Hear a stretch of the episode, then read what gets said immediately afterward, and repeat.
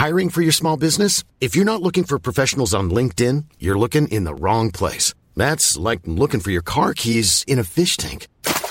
LinkedIn helps you hire professionals you can't find anywhere else, even those who aren't actively searching for a new job but might be open to the perfect role. In a given month, over 70% of LinkedIn users don't even visit other leading job sites. So start looking in the right place. With LinkedIn, you can hire professionals like a professional. Post your free job on linkedin.com slash people today. Life is full of what ifs. Some awesome, like what if AI could fold your laundry?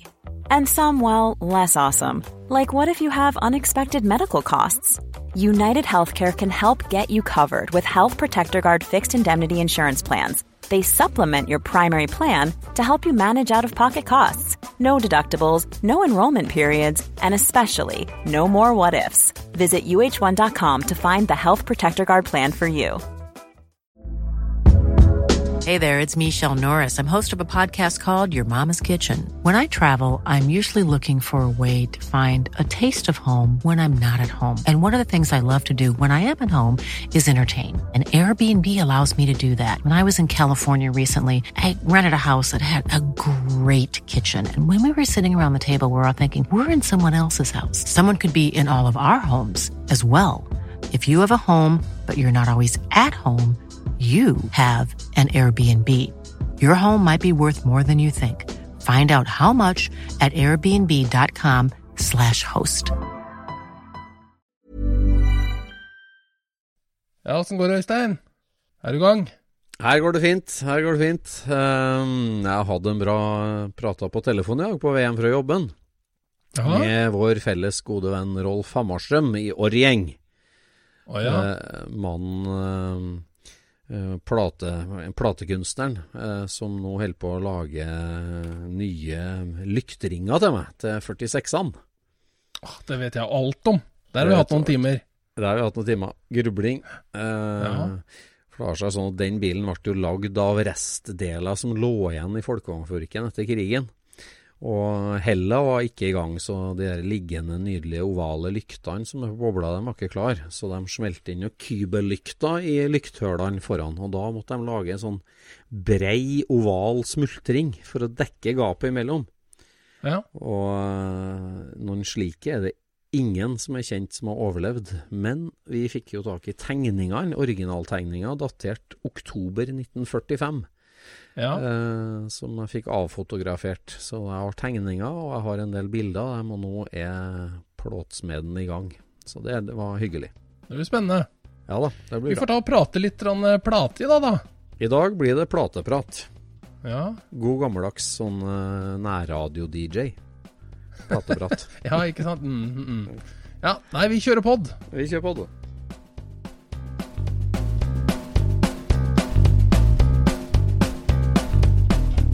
du. Lytter nå til Scootspodden, en norsk podkast om klassisk bil med Jon Roar og Øystein.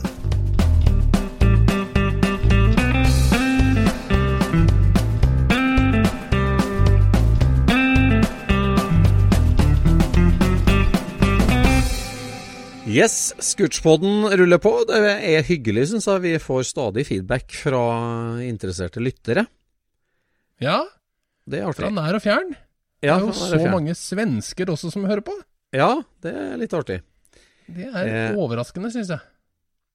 Jeg var jo på eh, den her Mjøsa rundt-runden min, og da hadde jeg med meg en, eh, en trofast lytter. Og, og vi prata litt eh, plateforming, og det er jo et tema jeg og du eh, liker å snakke om, Jon Roar. Du har jo hands on-erfaring, og, du- og du selger jo mye utstyr til det òg, men det her med å med å skape noe fra flat plate, enten det er stål eller aluminium, forme det, kna det, banke det, kose på det, det er en sånn veldig universell del av bilhobbyen som bilfolk fra alle leirer elsker. Og Men det der har jo sin rot i vår felles ungdom, vet du.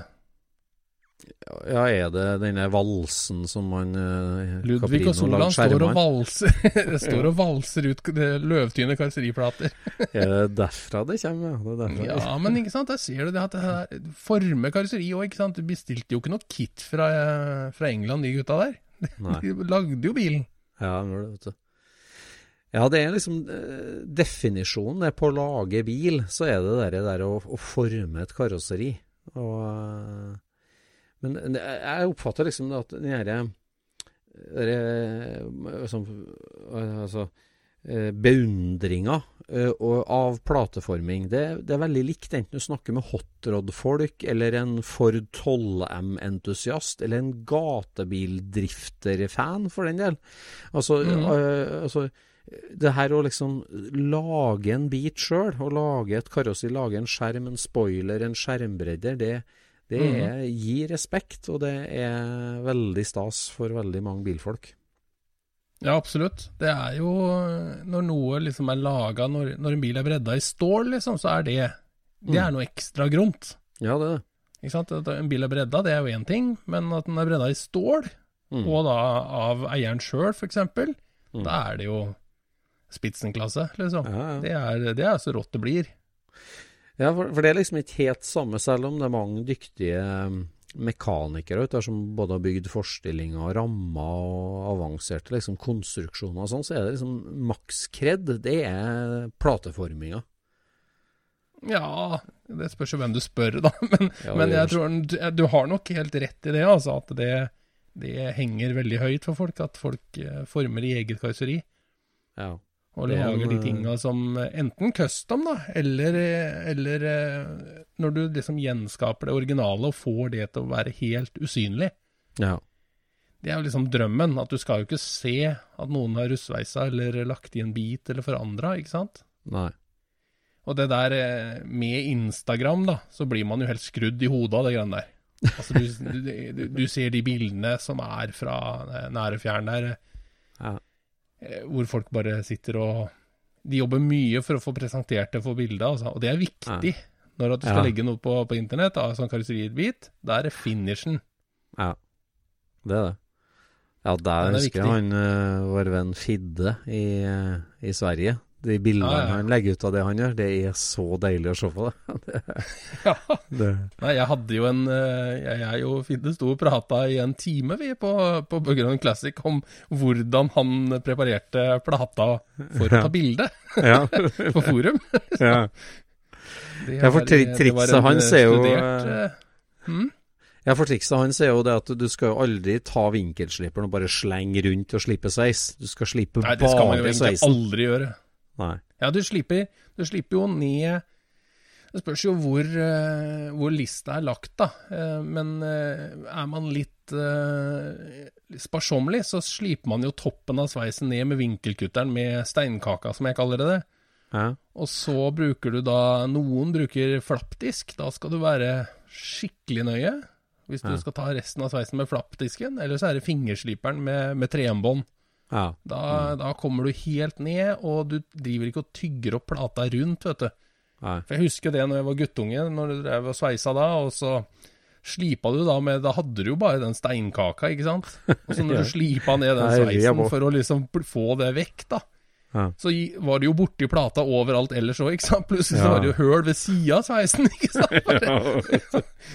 Og det er liksom Det er jo kjens... eh, Det er liksom kjennemerket. Eh, Ja. Det er når en amatør står og gjør noe, så er det tusen bitte små lapper, liksom, som er sveisa i her og der og overalt. Og jo mer proff du er, jo større bit er tatt.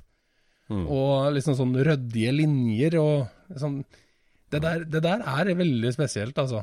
Eh. Noen har liksom organiske, skjære ut organiske biter, ikke sant, så ser det ut som en nyre, for eksempel. Mm. Ikke sant? Mm. Og jeg får jo helt fnatt av å se det. Ja, det Altså, jeg, jeg, jeg vil ha en firkanta bit, men med avrunda hjørner, som har liksom en eh, radius eh, rundt et kronestykke, da. Sånn at du Ja. ikke får noen eh, spenningsoppbygninger i hjørnene, ikke sant. Det er liksom, Sånn syns jeg det skal se ut før du sveiser. ja. Og etter du sveiser, så er det jo ingen som ser om det var nyreforma Nei. eller, eller firkanta. Men eh, likevel, så det liksom, det skal jo ikke se så rart ut. det må jo se ryddig ut. Ja. Nå styrte vi jo litt mot uh, sveiseskjønnhetskonkurransen her. Det, var jo Jo, men det der er finishen, vet du. Det er finishen på, på karosserijobben. Den er viktig, altså. Ja, veldig viktig. Det er veldig viktig. Det er jo nådeløst å legge ut, legge ut bilder og sånt, altså, for det, det Da skal det være på stell når du legger ut bilder. Det skjer Ja, du må det. Ja. Og så er det jo liksom den derre Når vi først er inne på den sveisebiten, da, så er det jo liksom kjøpe russveisebit, og klarer ikke å få skåret av eh, det oversky overskytende flesket som er på vengbiten. Liksom. Må bruke hele vengbiten, for den kosta Ja. tross alt 125 kroner, ikke sant. Så da må Ja. du ha med alt. Det er jo lagt opp til at du skal bytte hele den. Hele, halve, halve quarterpanelet eh, kjøper du fra Weng, og da bytter du halve quarterpanelet, selv om Ja, det er du det ruster det et fem sånn- kroner. Sånn som på, på folkevogna, da, når jeg ruster i quarterpanelet bak døra. Mm. Da, det ruster jo alltid bare i dobbeltleppa som er ned på kanalen. Ja. Den er jo to centimeter høy. Ikke sant? Og så den russveisebiten du får, der, hvis du ikke kapper ned den, da har du en, da har du en kant-til-kant-sveis på 70 cm. Som blir, som blir liksom 32 cm hvis du skjærer ned til der rusten er. Men nei, nei. Det er altså Jeg er helt sikker på at Weng har inngått en avtale med Hagemanns om å få solgt sparkel, altså. Så bare jo større dere lager de russveisebitene, jo mer sparkel får vi solgt. ja, inn med varmen. Nå skal det ikke bukles. Jeg skal ikke drive med kaldsveis her, nei. nei, nei. nei, det der er Men eh, du jobber jo på Gasoline, uh, Jon Mm. Hvor mange engelske hjul selger dere i året der? Vi er selger si ganske mange engelske hjul, da. Vi gjør det. Ja. Eh, og det har, jo, det har jo på en måte kulminert litt, da. Så det er jo litt roligere med det nå enn det har vært. Men Ja. de har jo vært en kjempegreie, vet du. ja, det har vært det i mange, mange år, ikke sant? Ja, ja, ja det har det. I, I mange år. Helt siden eh, OCC og Boyd var på TV, vet du. Da Ja. altså, alle skal jo det. Du ser jo Marcel står og triller ut de lekreste karosserier, ikke sant. Da er det jo bare å få kjøpt et engelsk hjul, så er det jo i gang sjøl. Ja, det er det. Så, så jeg vet ikke når alle disse ferdige, ferdige um, karosseriene ruller ut av norske garasjer, men det, det er et eh, oppdemt eh, ja, Ja, men også potensial dere, der. dere har solgt altså, de siste 20 åra altså, altså, Det er jo hundrevis, hvis ikke tusenvis av engelske hjul Ja, ja, ja. Ja da. ja da. Som, som er levert ut til, norske bilentusiaster, som står Mhm. rundt. er, er det mange av dem som blir utslitt, tror du? Eller? Det, det går ikke så mye reservedeler, gjør ikke det? Nei, det gjør ikke det. Nei, altså, det, henger vel eh, De er jo fine å henge jakka på og sånne ting som det der, da. Men, eh, men jeg tror det at de blir brukt, altså. Det tror jeg. Men, men du, du eh, Ikke sant. Det er jo når du, når du ser hvor feil det blir, og sveise inn ei flat plate, ikke sant. For det, det er jo nesten ingenting på en bil som er 100 flatt. Nei. Nei. Så da ruller du gjennom eh, de platene du skal sveise inn, og så Ikke sant. Mm. Det kan jo bli helt skjult. Så Mm. ja, Ja. men eh, det er nok noen Det er nok noen drømmer der ute òg som på en måte ikke har blitt noe, kanskje, ennå. Ja, for det er jo både å lage russøysedeler og custom-deler og sånt, og så er det jo noen få som tenker at de skal bygge et helt karosseri, og ut, bygge Mm. sin egen bil og utforme sin egen bil.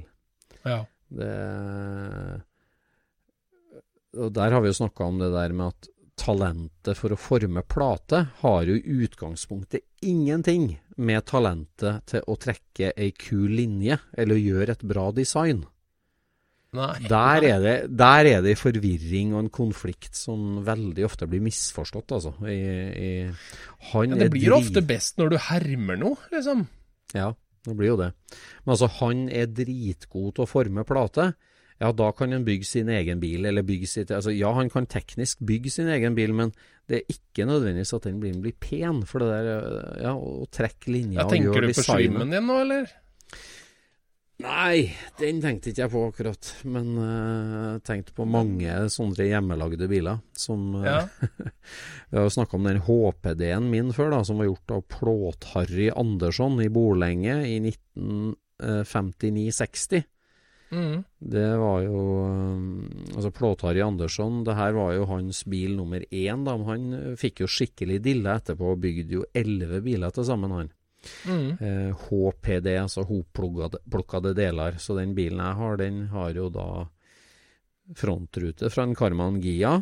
Bakrute fra en Peugeot 203. Ja. Dørtopper fra en Saab. Ja.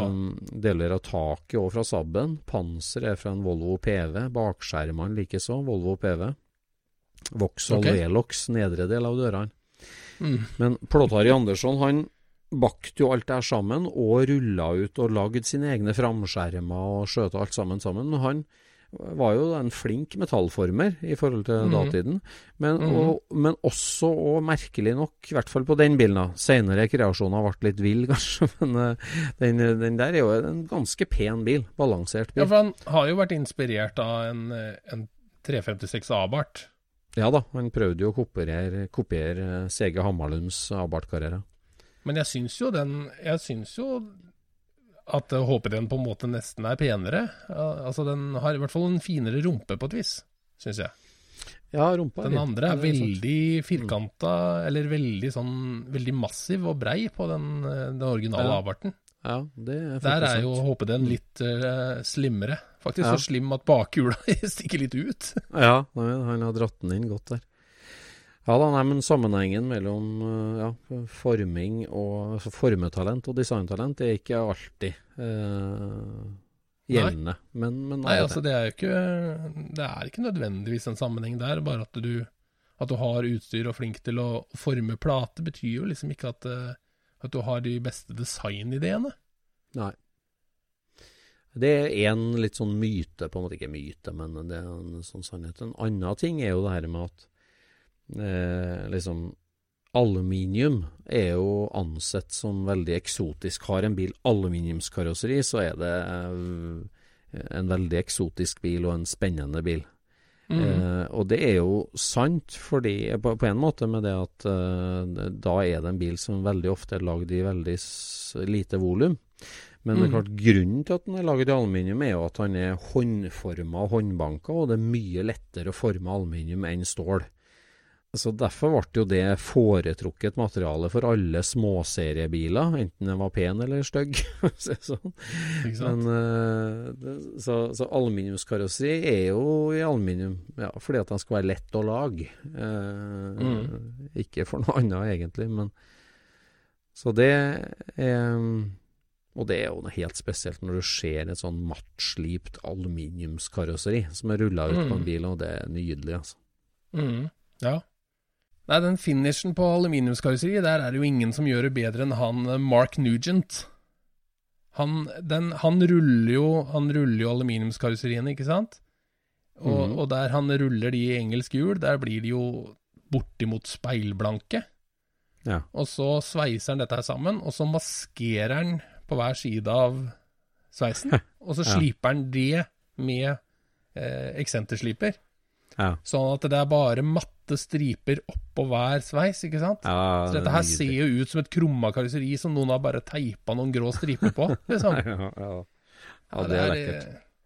Og det er jo liksom den derre å se den, at det flukter fra én karosseribit til den neste. Det er jo det Ja. som er clouet, ikke sant? Ja, det er det som Det er finnes jo en sånn håndlaga mm, håndlaga mm, Dannenhauer, Ja. hvor det var litt grann på tur, akkurat de her Hvor de der platebitene møttes, liksom. Ja. Og det, da, da skjønte du plutselig at oi, det er faktisk ganske Så selv om platebitene i seg sjøl er kjempefine, så må du få Mm. det til å passe i et større helhet òg. Mm. At det er 100 tangensielt, liksom. At det Ja, ikke sant? noe det må møtes på tangenten hele tida, liksom. Mm. Og det, Mm. det er nok ikke lett, altså. Nei, det er ikke lett, altså. Det er ikke lett. Det, du, det, det, du ser jo mye rart. Det er jo, man skal liksom drive og kritisere sånt, for det er jo det er kult Nei, det uansett eh, hvem som, ja, ja. som gjør noe sånt. Om det er en vill custom eller en gammel Amazon eller noe helt rart. Du har jo hun derre Marie Andersson i Sverige som driver og bygger sin egen bil. Vi har sett en sånn Mhm. helt eh, vill, rar custom. Altså sett som en sånn 48-49 eh, Cadillac-type roadster custom-sak med noe helt, helt vill design. Har lagd karosseriet sjøl, og det, det er en veldig spennende designtanke og sånn, men, eh, men det er klart, det bruker jo bruker prosjektet som mer en sånn eh, opplæringsprosjekt for plateforming, da.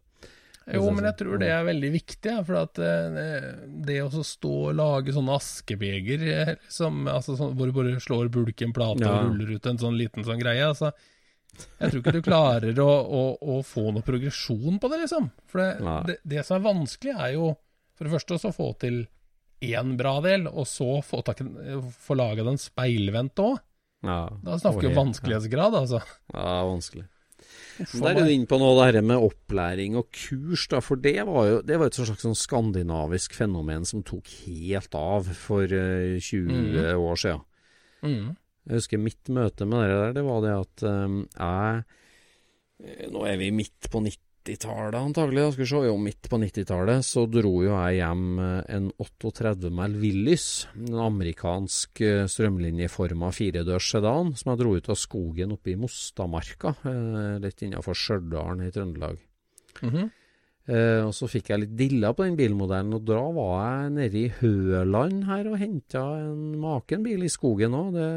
Og da var jeg Altså, nå bor jeg jo ikke så langt unna Aurskog og Høland, men da var jeg nede fra Trøndelag midt på 90-tallet og henta henne. Så jeg hadde to sånne.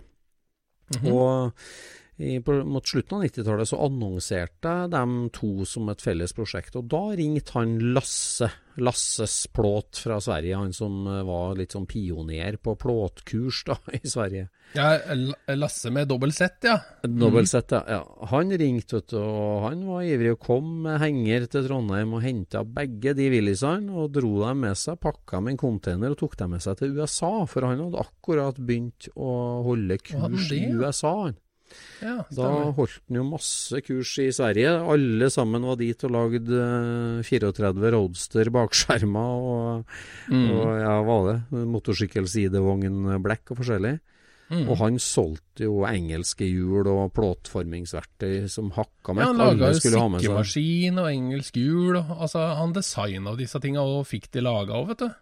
Og Var det sånn òg? Gjorde det? Ja, ja, ja. Det er en som heter Jarmo som lagde alle disse her eh, maskinene for han. Og så flytta eh, Lasse over til, eh, til Statene. Ja. Og fortsatte der. Og så Da begynte han vel å lage de i Statene, tror jeg. Ja. Men han Jarmo han har fortsatt å lage de maskinene. da, så De selger vi faktisk på jobb. Da heter de JS, og det er samme mann som har laga de hele tiden. Nei, de? Ja. Mm. Svenskprodusert, altså? Ja. De er svenske. ja. Mhm. Akkurat. Nei, det var, jeg husker når han kom og sa at han, han levde av det, liksom, å holde plateformingskurs. Det var jobben hans. Så ble jeg Ja. veldig fascinert. Det var ja, slutt mot slutten av 90-tallet. Så, Men men det der var jo der- kjempestort. Det står mange sånne lastemaskiner rundt forbi, altså. Ja. En annen som holdt mange kurs, var jo Carl Fredrik på Unneberg bil i Tønsberg. Eh, han eh, kjørte jo kurs i en årrekke.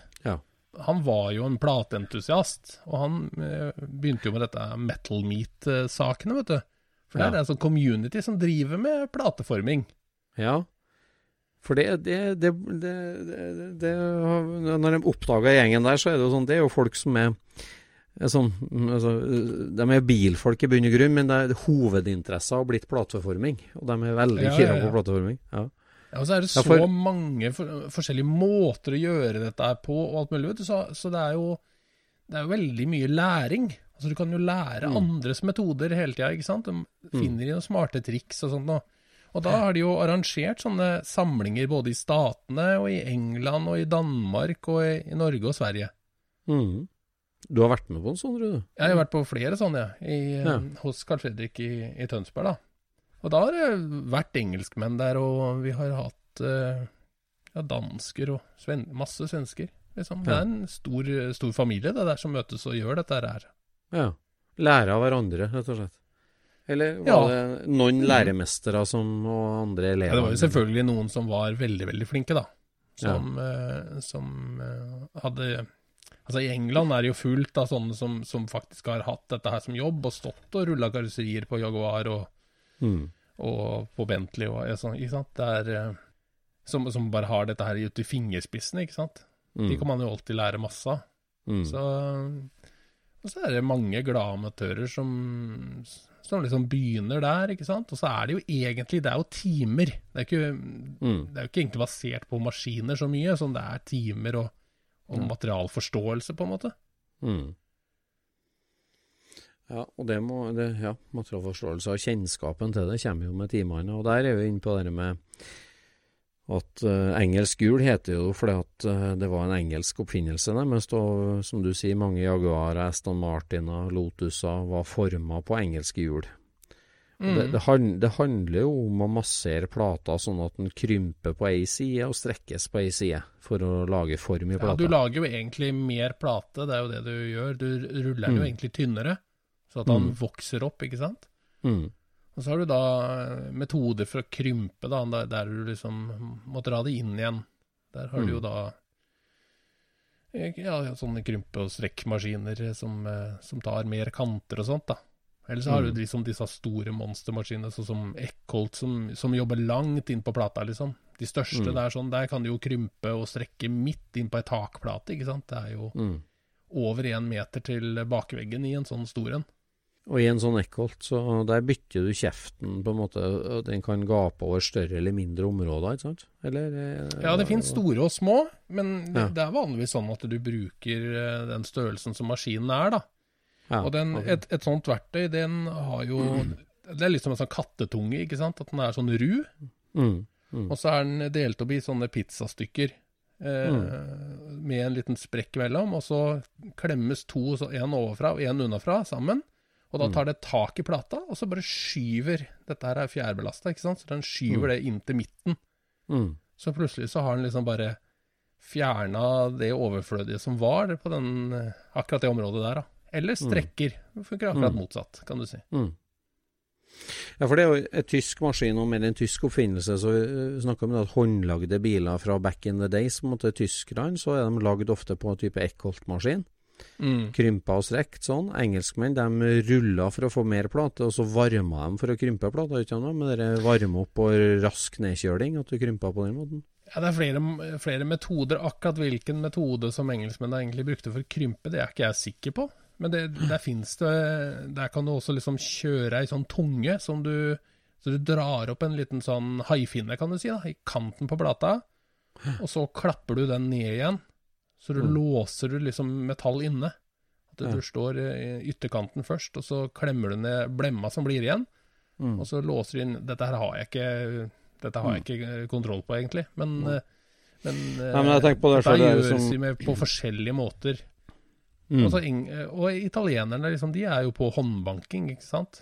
Håndbanking. Det er bare masse, masse banking. Svær, svær trekubbe med, som er konkav, og uh, alle mulige hammere med nylon og, mm. og skinnbelegg og hammer. og det.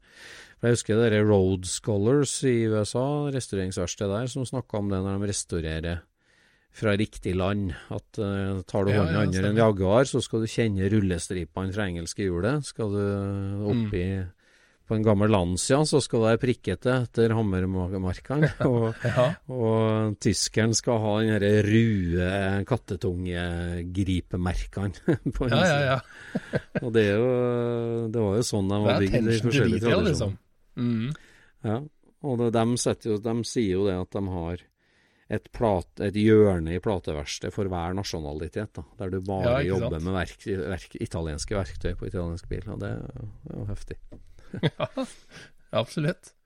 Nei, og så er det jo liksom den, den, eh, den siste tingen som vi ikke har prata noen ting om, er jo bucken, da. Ja, det må vi prate litt om. Det er jo, En, en buck er jo et møbel, vet du. Ja. Favorittbucken er jo den derre sølvpilen, den uh, Husker den som mm. står på Prototypmuseet? Mm, ja, hvor det er buck for å lage Auto Union-racer. Mm, ja, I i lakkert eik, eik eller noe sånt noe.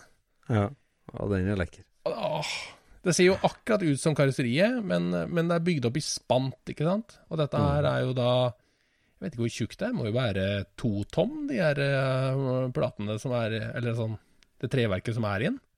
Mm. Mm. Og der kommer du jo da bort med den platebiten du har laga, og så legger du den på, og så sikter du og ser om han liksom ligger an på, på bøkken, ikke sant. Og mm. hvis den ikke ikke ligger helt nede igjen, så må du rulle mer. Mm. Da, mm. ja, så, det, så har jeg jo sett også eh, Italienerne lager jo motsatt, vet du. Hvor de sveiser et, eh, et fuglebur som ser ut som bilen. Og så sitter de på innsida og prøver plata opp mot Nei, gjør eh? Ja, ja. Jeg vet ikke om det var sånn de gjorde det i gamle dager, altså, men, men ja. de gjør det i hvert fall nå. For det finnes jo masse sånne små italienske karosserifirmaer vet du, som, som lager karosserier og sånt nå. Mm. Og de lagde jo en sånn prototypebil eh, for noen år siden. Og det finnes en kjempefin YouTube-video hvor de, sitter og lager karosseri på den måten der, at de sitter på innsida. For da tror jeg de sveiste, sveiste det derre fugleburet, det sveiste de på en måte utapå leiremodellen, vet du. Det var jo noen som hadde laga liksom opp en sånn, og så laga de da spiler utapå. Og så løfta de det av, og så satte de og forma platene inni der igjen. Yes. Hvorfor skulle det være lettere? Ja, Det kan jo være lettere hvis du snur den opp ned og jobber på den måten, kanskje. Men ja. Nei, altså, jeg tror det var vel en sånn En litt sånn old school måte, da. For en I dag, vet du, så er det jo mye skanning av hele bilen. Og så Ja. tar du det inn i, i software, og så får du liksom Fres. Frest ut i eh, spant. Og, og stabler sammen hele saken. Mm. Så er- der teknologien må har jo kommet den- der og hjelpa til veldig, da. Ja, det er sant. Da må vi jo fortelle litt den der historien vi lærte om i sommer, da når vi kjørte eh, Dannenhauer og Staus ned til Stuttgart og besøkte Dannenhauer og Staus-fabrikken. Mm. Det var jo en, en, en far og en svigersønn som drev bilverksted, og etter krigen ville de utvide businessen med å begynne å håndbanke karosseri til folkevognbunnplata. Og det var jo veldig primitivt, eh, sjappa der. Og Men husk at de de jo- lagde det faktisk i stål, da. Ja, de lagde det i stål. De gjorde det, vet du. De gjorde det det. var jo en, de fikk jo en industridesigner til å tegne den bilen, veldig inspirert av Porsche 356. Ja. Og så fikk de lagd den trepluggen du snakker om. Og Ja. eh, jeg husker jo han som fortalte oss om det, som sa det at eh, altså, trepluggen er jo i utgangspunktet bare for å sjekke blekkplatene mot. Mm. Du lager en god, fin tremodell som står midt i karosseriverkstedet, og så går du bort til sandsekken og går bort til ekkholten og krymper og banker og slår, og så går du bort og sjekker delen din på Mm. trepluggen. Trepluggen er masteren for hvordan karosseriet skal se ut helt til slutt. Mm. Men, men eh, enkle, kall det primitive karosseriverksted, da, som han sa, sånn som for så vidt Anna Strauss var, de, Mm. gjorde det på en måte, tok litt enkelt på at du, du ender opp med å bruke den bøkken til å slå imot. At du former plata på bøkken din. Ja, jeg vet ikke om det er eh, Jeg vet ikke om det er eh, Om det er så veldig enkelt, altså. For at det, eh, når vi så eh, Christian Grunmann, som vi hadde som gjest tidligere, han har jo eh, litt av bøkken til den, eh, den Rommerts eh, Ja, Den Lawrence-modellen. Lawrence er det han heter, selvfølgelig. Ja. Mm. Eh, og den er, jo, den er jo, som vi sier, i- eik og laga for å Mm.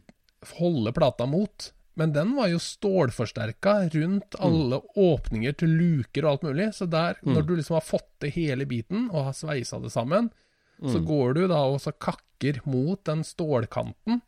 Mm. Sånn at du Det er antageligvis for å få det til å passe mot et, et rammeverk du har laga til å henge karosseriplatene på, da, vil jeg tro. Ja, at du har noe sånn datumpunkt liksom i den pluggen mm. som, som du former mot, ja. Mm.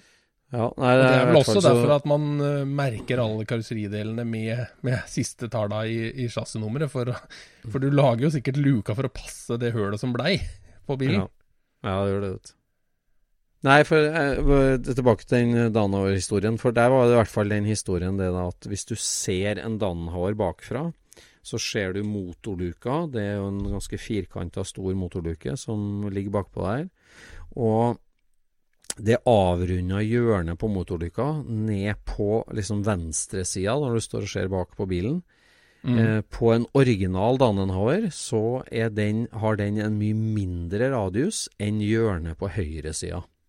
Så du, du, du så på bilen at liksom si at den er designa med ei som kommer ned med en radius på 20 cm på høyresida, men så er du ned på 15 cm, 12 cm på venstresida.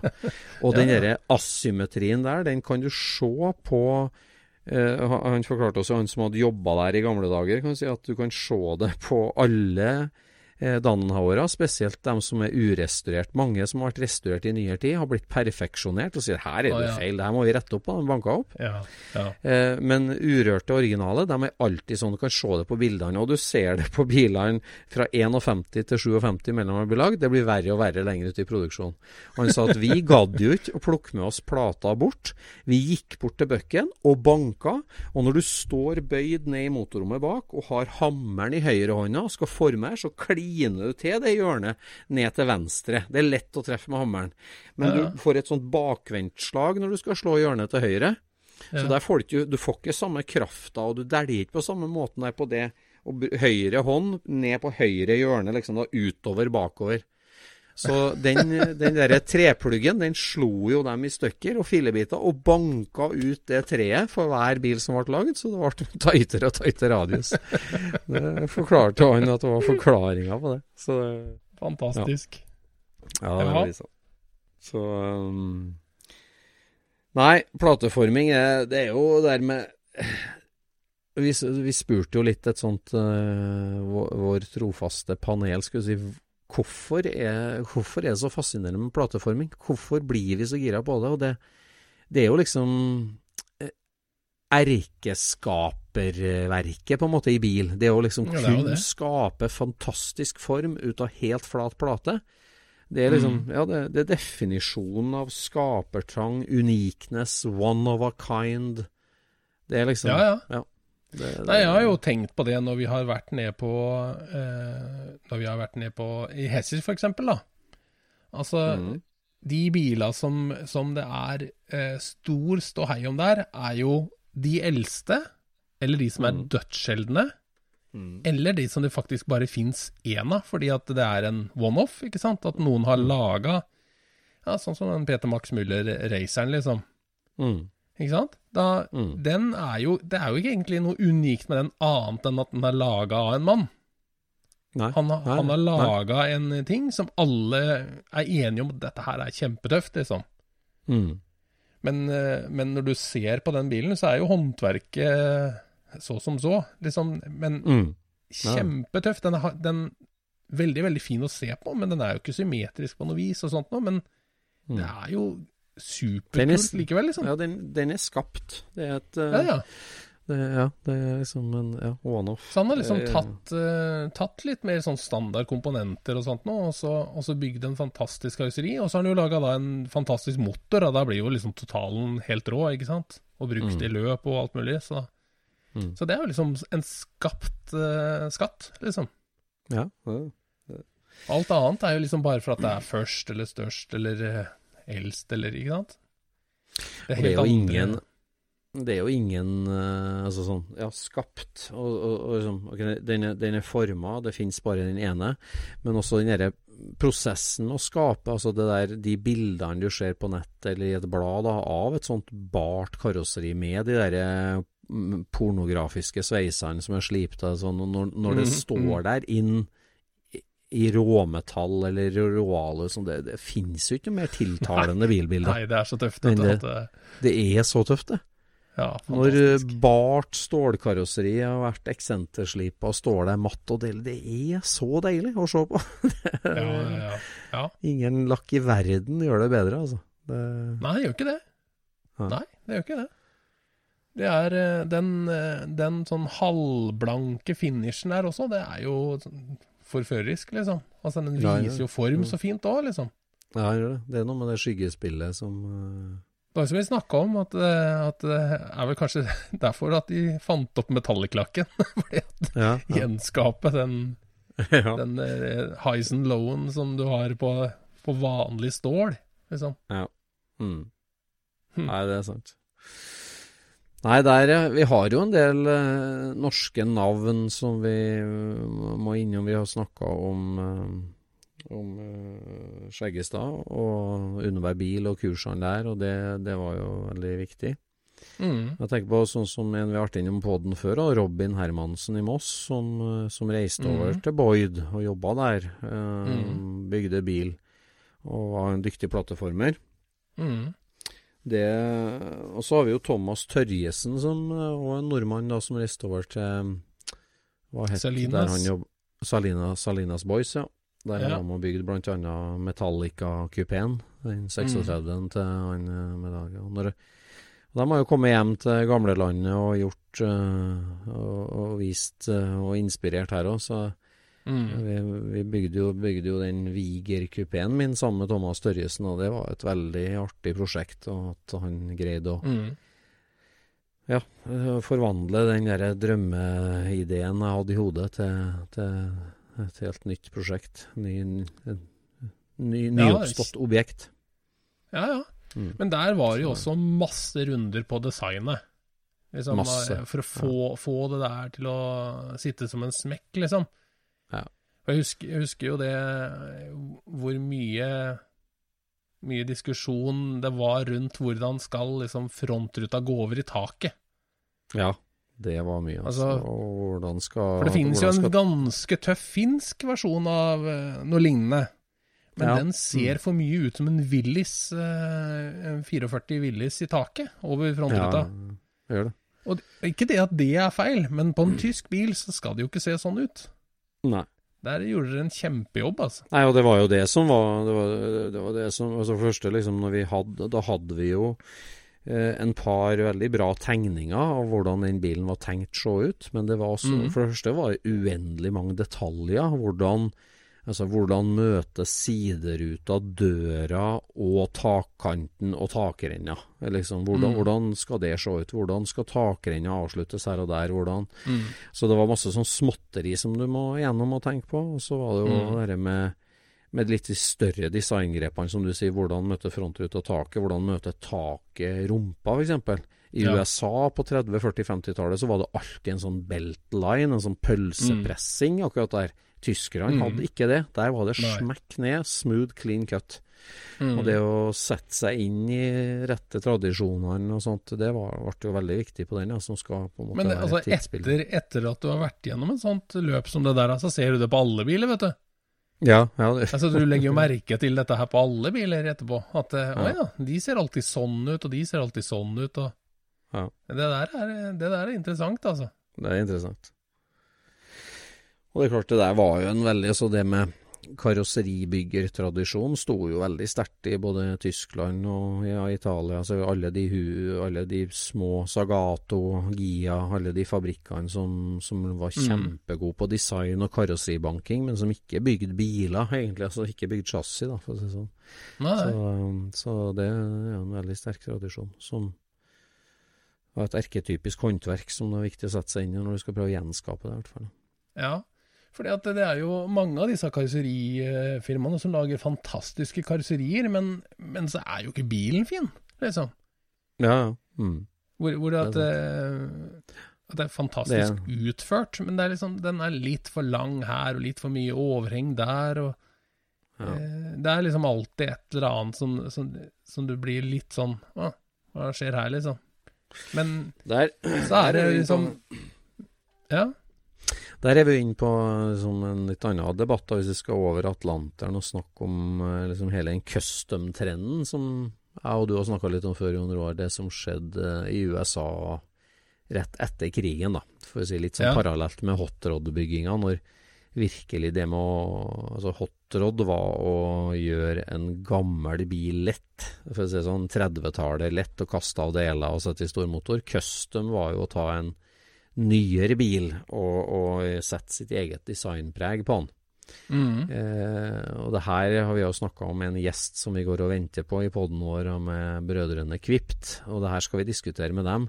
At var det sånn at eh, du bare var en litt crazy platesmed, og greide å trykke et Packard-baklys på en Mercury og lage en rar scoop på sida, eller et, et, et, et, et, fender-skirt som også tok med seg radioantenna, for å si det sånn. Altså Var det bare det at du liksom klarte å forme det, som gjorde at det ble så crazy at det ble cool custom design, eller var det en designtanke først, liksom? Det, det, det kan synes som Ja. en del design, eller custom-grep, kommer mer av liksom jeg har håndverksevnene til å gjøre det, ikke nødvendigvis Jeg vil jo nesten, jeg vil jo nesten tro at, eh, at det begynte i å prøve å få biler til å se litt Altså, eh, ta en eh, to-tre år gammel bil, og så prøve å få den til å se moderne ut.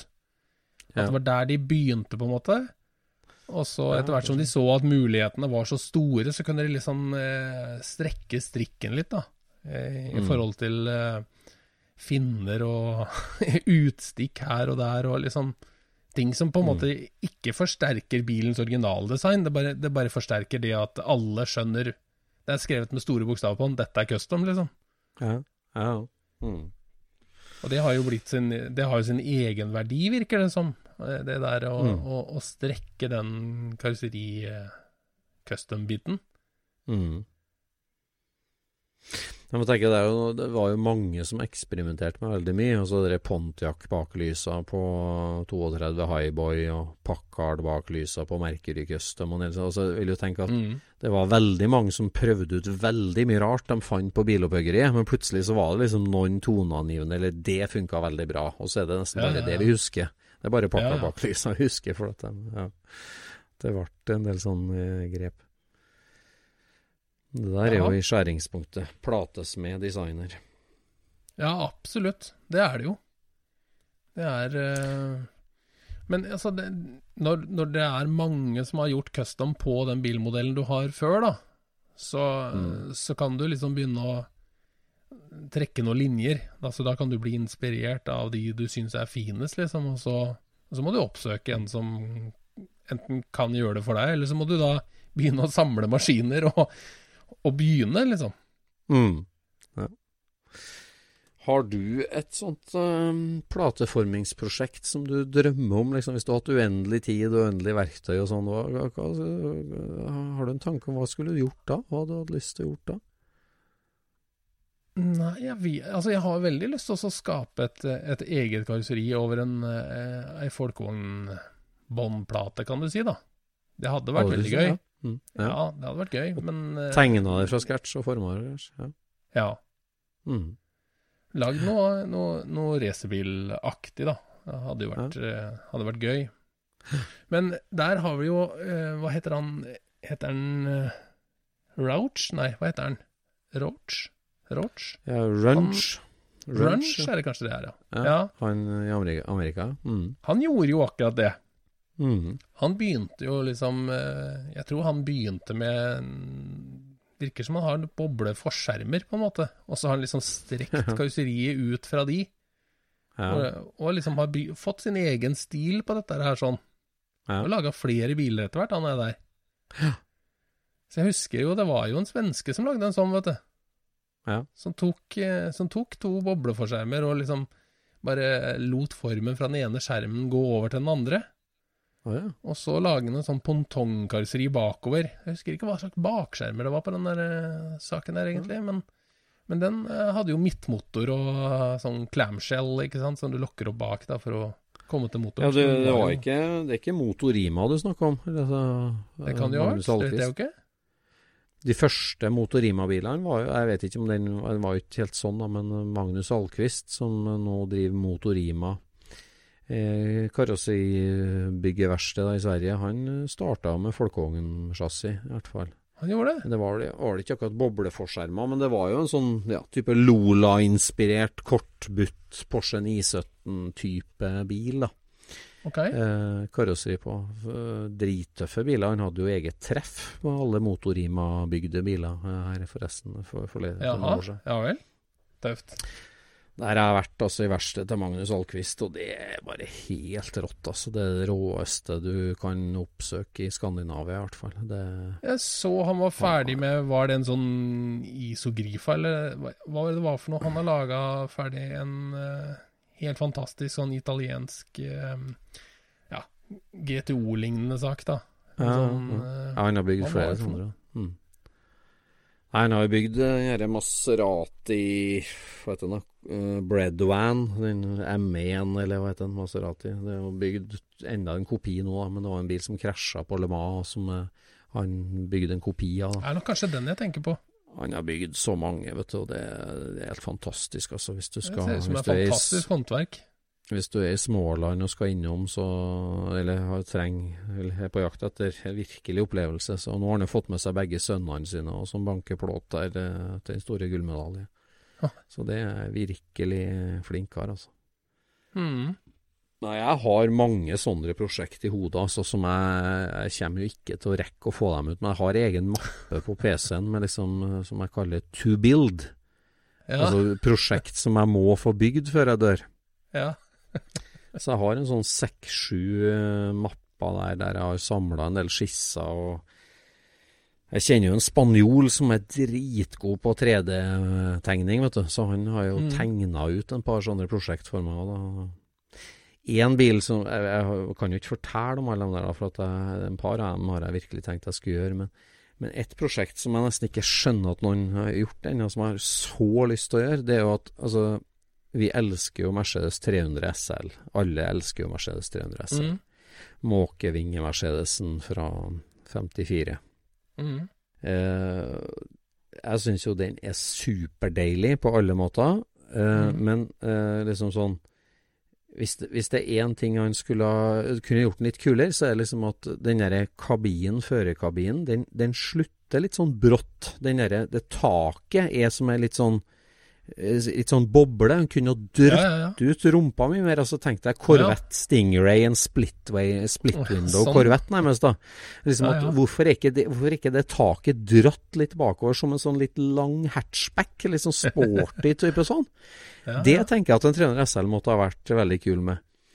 Og så tenker jeg det at uh, en sånn Mercedes 190 SL ja. det, De var jo i hvert fall oppnåelige, da. Altså det, det, Ja, ja. det fantes jo noen urestaurerte sånne som du kunne kjøpe for noen hundre tusen for noen år siden. Nå er det jo en million for en sånn bil òg, men, eh, Mm. men eh, om en har tatt en sånn Mercedes 190 SL, som jo bare var levert som roadster, som er egentlig litt sånn halvkjip eh, liten versjon av 300 SL-en, Mm. men å bygd et tak til en 190, som da på mange måter var veldig likt 300 SL-taket, men dratt ut som en sånn sporty hatchback-sak. Og så har Ja. du plukka av fangerne på den og, og, og tatt igjen luftgjellene i sidedørene. Sånn, lagd en sånn mini-300 SL, men med et sånn perfeksjonert tak. Åh, den, den drømmer jeg om, ass. Den må jeg gjøre en gang. Det ser fantastisk ut. Så da trenger en å ha med seg noe sånn En ordentlig plateformer, kanskje. Alquist, eksempel. Ja, ja, ja, ikke sant. Nei, men altså det, det som er med, med 190 er jo Altså 100, nei, 300 ser så mye planta ut, liksom. Ja, Den sitter så mye mer på veien. liksom. Den har, den har liksom breiere hjulstilling og lavere tyngdepunkt, jeg i mangel av noe bedre ord. ja. Så hvis Ja, du liksom har det, hadde altså. senka en 190 og fått på litt, eh, litt mer hjul, liksom, så flytta liksom stansen litt ut, ja. da tror jeg den hadde hjelpa på bra, jeg. Ja, det er noe der. Altså, det er to biler som liksom ser litt like ut på bilder da, på en del ting. For de har jo en del sånn felles designelement, men ser du dem ved siden av hverandre, så er det jo liksom Én er jo en tivolibil, og én er jo Ja, en vanvittig glis, liksom. Ja, det er sant, det. Men, Og der har du jo liksom det der med, med, med hjulbuer, hva liksom det har å si også. Hvor Ja. høyt, ikke sant? For at en sånn 190, da, den har hjulbuene mye lavere på karosseriet. mm, Det er jo på en måte det som gjør at, uh, at den blir høy og styltete. Ikke sant? Ja, det det. Så hvis du hadde flytta de liksom sånn uh, ja, tre-fire Mm. centimeter opp, da, Mm, og liksom fulgt etter med, med, med senkinga på, på en måte, mm. så, så hadde jo ingen egentlig spotta det. Men, men bilen hadde fått et helt annet uttrykk, og det er jo de små, små tinga der som, som gjør så mye liksom for, for sånne designting. Det er Det er liksom. Mm. Det er akkurat det. Nei, det Det er sant. Det Jeg husker mitt eh, første måte med plateformingsfaget. Det husker jeg kjempegodt, altså. Det var For jeg er jo vokst opp eh, eh, liksom i am, delvis Amcar-miljøet og delvis Trøndelag veteranvognklubb i Trondheim. Og i Trøndelag veteranklubb så hadde vi brødrene Jonassen. Ja. Eh, som var veldig tidlig ut med å samle mye bil, og som var veldig tidlig ut med å fotografere mye bil. De, bare som unggutter si, på 70-tallet så reiste de rundt i Trondheim med et lite kamera og tok bilder av gamle, rare biler.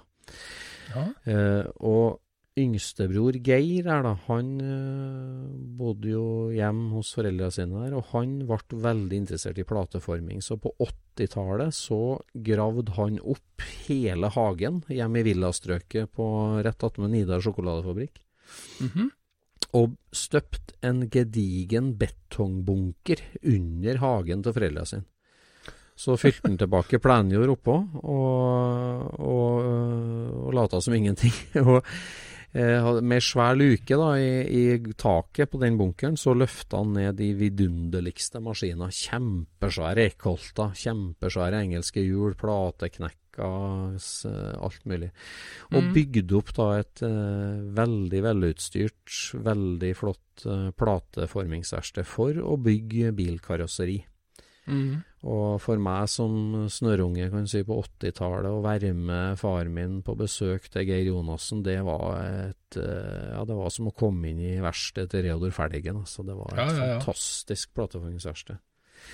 Så han starta jo der med å lage en del rustsveisedeler og forskjellig, en skjerm til en 12M og litt sånn, men så utarta det seg etter hvert. Altså, han bygde jo hele karosseriet. Han bygde jo eh, en liten serie med 32 Ford, trevinduskupé Jaha.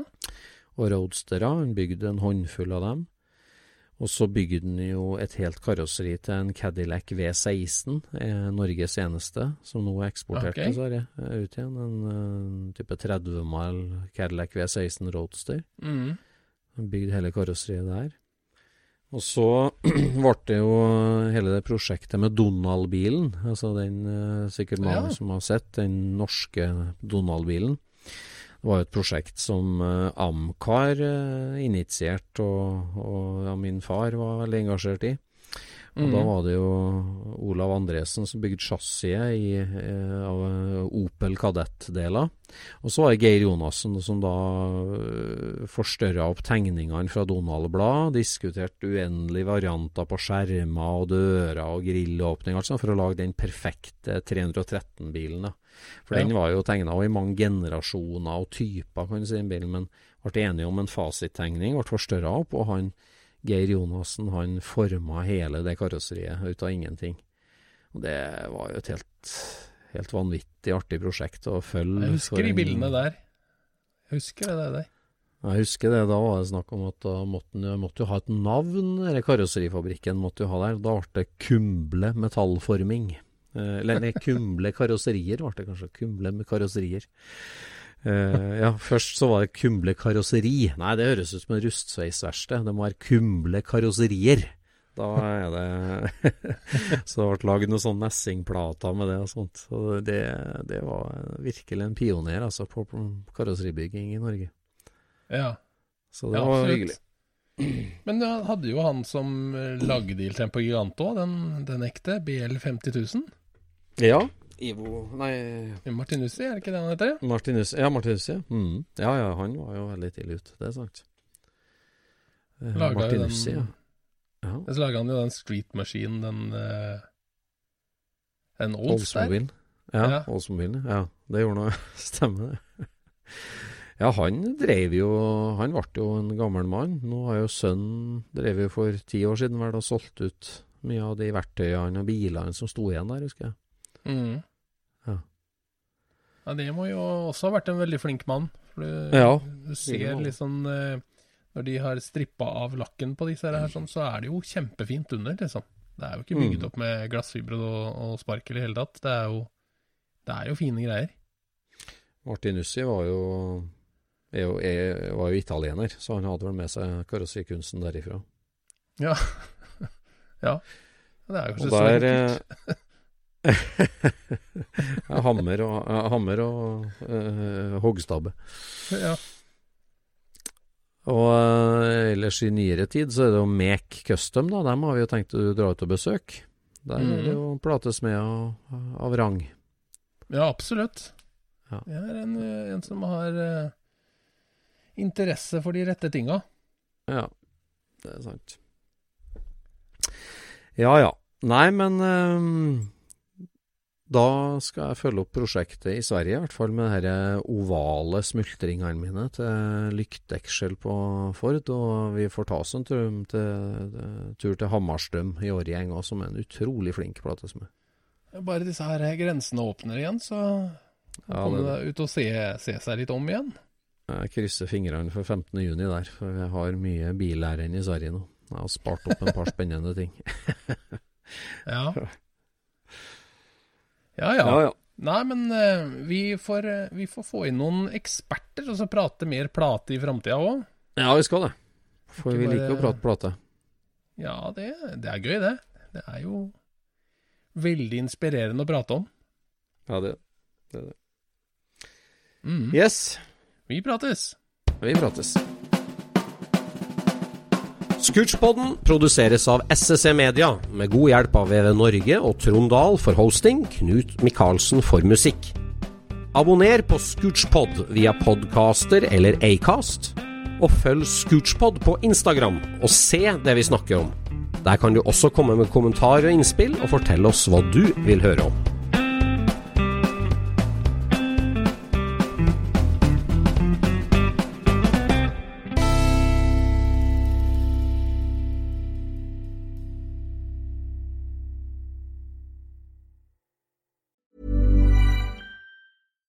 Hey, it's Paige DeSorbo from Giggly Squad. High quality fashion without the price tag. Say hello to Quince.